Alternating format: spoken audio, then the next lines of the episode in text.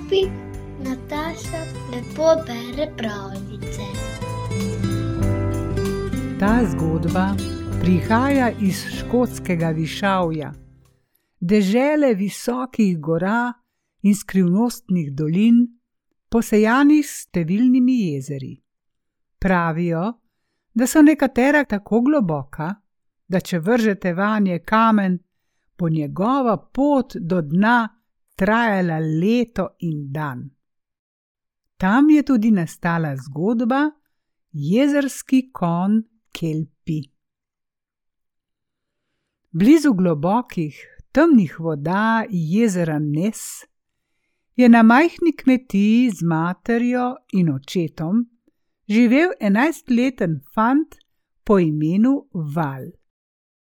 Vso hrano, ki so jo potrebovali za preživetje, so pridelali na oskem pasu zemlje med njihovo hišico in obrežjem jezera. Nekega večera je val slišal, kako je mati rekla očetu: Skoraj je že napočil čas za pomladansko setev. Jutri moraš zgodaj vstati in zorati nive, da bodo nared.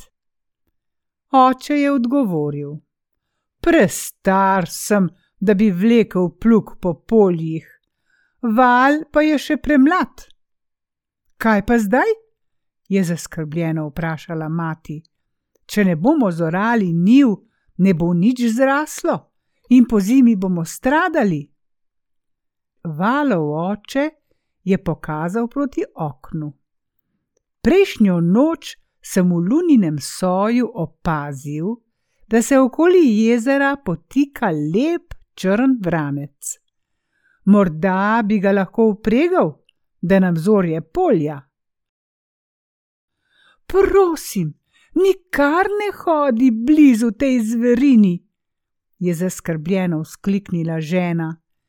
To ni navaden kon, ampak jezerski kon Kelpi, duh, ki se potika okoli jezer, da ukane radovedneže in jih utopi.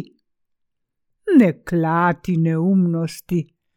To, kar sem videl, je le dober, močan kon se je smejal mož. Iz pluga bom potegnil vrv in jo privezal okoli njegovega vratu. Potem se bom z rokami oprijel grive, skočil na nj, ga privezal za plug in že bo niva zorana ter pripravljena za pomladansko setev. Ampak, če ti pravim, da to ni navaden kon, je ustrajala žena vrv ti ne bo pomagala. Pravijo, da lahko kelpija ukroti samo železna uzda. Menda je tudi njegova griva čudežna. Če se je skušaš okleniti, se prsti ujamejo vanjo kot v past. Vsakdo, ki zajaše kelpija, ostane kot pritrjen na njegov hrbet in ne more razjahati. Prosim te, danes zvečer ne hodi k jezeru, ga je rotila. A mož je ni poslušal, trdno je bil odločen, da ujame konja. Odvezal je vrv z pluga, si nadev volneno ogrinjalo in odšel noč. Valova mama je prihitela na prak in zaklicala: Mož, vrni se! Legende pripovedujejo, da nihče ne more ukrotiti kelpija z jezera Nes. Vrni se, ali pa bo po tebi. Val je želel pomagati očetu, a ga je mati zadržala. Stala sta na pragu in gledala, kako se je oče približal konju, ki je tiho stal na bregu jezera. Okoli glave mu je zategnil vrv, a kon se ni premaknil. Mirno je stal, vse dokler se ni valo oče oprijel njegove grive in se povzpel na nj. Takrat se je v konjevih očeh zalesketalo nekaj zlobnega. Poglej, je v grozi zašepetala valova mati.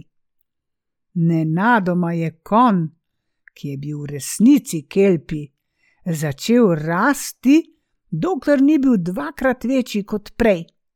Tako je prhal, razgetal in topotal z nogami po jezerskem produ, da se je kar iskrilo pod kopiti. Na to je dvignil velikansko glavo in pokazal zobe. Iz njegovega gobca je švignil ognjen zubelj in iz nozdrvi se je pokadil dim. Začel je opletati z grivo, in njegova dlaka se je začela spreminjati v zelene kače, ki so sikale in se ovijale okoli moževih rok. Trikrat se je dvignil visoko v zrak, in ko je z nogami priletel na tla, je oddivjal vzdolž obale naravnost proti globinam jezera. Skoči s konja, skoči! je žena na vse grlo zakričala možu. A mož ni mogel odskočiti, saj so bile njegove noge zataknjene za kelpjeva pleča, roke pa za njegovo kačasto grivo. Zver je v galopu oddirjala v jezero in izginila med valovi. Val in njegova mati sta vso noč iskala in klicala očeta, a sta slišala le zavijanje vetra in pluskanje valov. Naslednje jutro je na nabrežje naplavilo vrv pluga in volneno ogrinjalo. Val ju je odnesel materi, ki je sedela v bognišču in jokala. Zdaj bova pa stradala do smrti, je tarnala. Šel bom k jezeru, da nalovim nekaj rib, ji je obljubil deček. V vodah, kjer je kelpi, jih ne boš našel, je rekla mati. Vseeno bom poskusil, je rekel val in odšel ribariti. Dan se je že prevesil pozno popovdne in še vedno ni ujel nobene ribe. Takrat pa je prišla mimo stara ženica, ki je nabirala dračje za kurjavo. Kako lep dan je in sonce prav toplo sije, jo je pozdravil. Res je, je odgovorila ženica, a po noči me zebe do kosti. Takrat se je val spomnil očetovih besed. Ne glede na to, kako reven si, je vedno nekdo še revnejši od tebe. Ko je videl, da ima ženica na sebi le zguljen plet, je stekel v hišo in ji prinesel očetovega. Če kaj dobim, tudi podarim, je rekla ženica in mu v zameno dala svoje zguljeno ogrinjalo. Bolje, da sediš na njem, kot da si ga oviješ okrog ramen, je še pristavila in odšla. Tisti dan je val ujel ribo. Tudi naslednje jutro je sedel ob jezeru s trnkom v vodi in ženica ga je zopet obiskala. Danes lahko spet uživamo v prekrasnem dnevu, je rekel val. Res je, je odgovorila ženica. A še bolj bi uživala, če bi imela kaj za podzob. Val ji je ponudil kruh, ki mu ga je mati spekla za zajtrk. Če kaj dobim, tudi podarim, je rekla ženica in mu pomolila mošniček, v katerem je bila gruda soli. Sol lahko tudi ubija, ne le zdravi, mu je zaupala. Val si je mošniček zataknil za pas in tisti dan je ulovil dve ribi. Ko je ženica pristopila k njemu še tretji dan, se je spraševal, ali ima poleg volnenega ogrinjala in kruha sploh še kaj, kar bi ona potrebovala. Lep dan za pohajkovanje in klepetanje, jo je pozdravil, medtem ko je gledala, kako ribari. Res je, je odvrnila ženica. A bil bi še lepši, če bi imela močno vrv, s katero bi lahko potegnila vedro iz mojega vodnjaka. Val je odhitel domov in se vrnil z vrvjo iz pluga. Ker je bil za oranje še premajhen, je ni potreboval. Če kaj dobim, tudi podarim, je rekla ženica in mu podarila uzdo. Skrivnostnim pogledom se je zastrmela van in mu dejala: Železo ni koristno le za izdelovanje kotlov. Tisti dan je val ujel tri ribe in pri večerji je materi omenil srečanje s staro ženico. V teh koncih je znana kot modra žena, zato si dobro zapomnil vse, kar ti je povedala, mu je svetovala mama. Čas je tekel in pomladanske setve je bilo že skoraj konec. Neke noči, ko je mesec srebrno sijal, je skozi okno zagledal črnega žrebca, ki je stal ob jezeru. Poglej, kelpi! je zakričal. Mama ga je skušala zamotiti, a val je bil odločen. Če hočeva preživeti zimo, morava takoj preorati polja. Zato moramo ujeti kelpija in ga zlepa ali zgrda upreči v plug. Še očetu ni uspelo, pa bo tebi, sinko, je neverno rekla mati. Saj veš, kaj pravi legenda. Nihče, ki zajaha kelpija, ne preživi. Val pa je bil trmast. Mama je sicer zapahnila vrata, a ko se je prepričal, da trdno spi, si je poveznil starkino zguljeno ogrinjalo, vzel železno uzdo, se splazil skozi okno in jo mahnil proti jezeru. Lepa zverinica si, je mrmral, ko je stegnil roko, da bi zgrabil grivo in se pa uspel na konja. Takrat pa se je spomnil besed stare ženice, ko mu je dala prvo darilo bolje, da sediš na njem, kot da si ga oviješ okrog ramen. Snel si je ogrinjalo z ramen, ga razprostrl po hrbtu živali, kelpija zgrabil za grivo in ga zajahal. Nekaj trenutkov je kon mirno stal, na to pa je začel postajati vse večji in večji, valova domačija pa vse manjša in manjša. Mati se je z konjevega hrbta zdela majhna kot mravljica. Stala je na pragu in kričala, naj pri priči razjaha. Dokler kelpi ne preorje naših njiv, ga ne bom razjahal, ji je zaklical.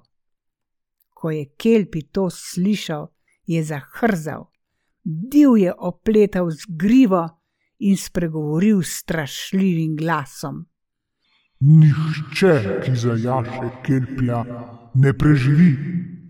Čakate enaka usoda kot tvojega očeta, saj mene ne more pokoriti nobena človeška roka.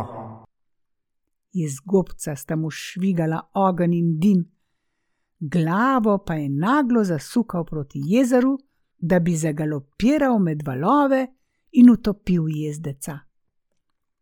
Val se je nagnil naprej in ga še trdneje zgrabil za grivo. Med prsti je čutil, kako se svilene dlake spreminjajo v debele, sluzaste, sikajoče zelene kače, ki so se mu tesno ovijale okrog rok in zapesti. Tedaj se je val spomnil, kaj mu je rekla starka, ko mu je dala drugo darilo. Sov lahko tudi ubija, ne le zdravi. Zdaj je hitro razvezal mošniček, ki ga je nosil za pasom, in v dlaneh zdrobil grudo soli. Kače so se v trenutku pomanjšale in izginile, da je lahko končno prijel Kelpijevo glavo in jo zasukal v želeno smer. Konj je postal tako razjarjen, da je divje vdrihal zdaj s prednjimi, zdaj z zadnjimi nogami, rital, skakal in skušal obrniti glavo nazaj proti jezeru, a valjo je trdno držal. Sedel je na starkinem ogrinjalu in pazil, da se z nogami ne bi dotikal hrbta ali bokov zverine, sicer bi zavedno obtičal na njej. Spomin si je priklical besede modre starke, ko mu je izročila tretje darilo. Železo ni koristno le za izdelovanje kotlov. Vedel je, da je brzda uzde, skovana iz železa, zato se je nagnil naprej in mu jo hitro vtaknil v gobec.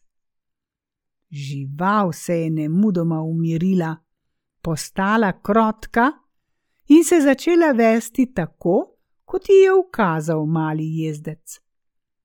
Val je zdirjal proti domu in klical mamo, naj brž pripravi pluk in si od soseda izposodi močno vrv. Potem je zapregel kelpija v pluk in ga vodil gor in dol po poljih, dokler niso bila vsa zorana.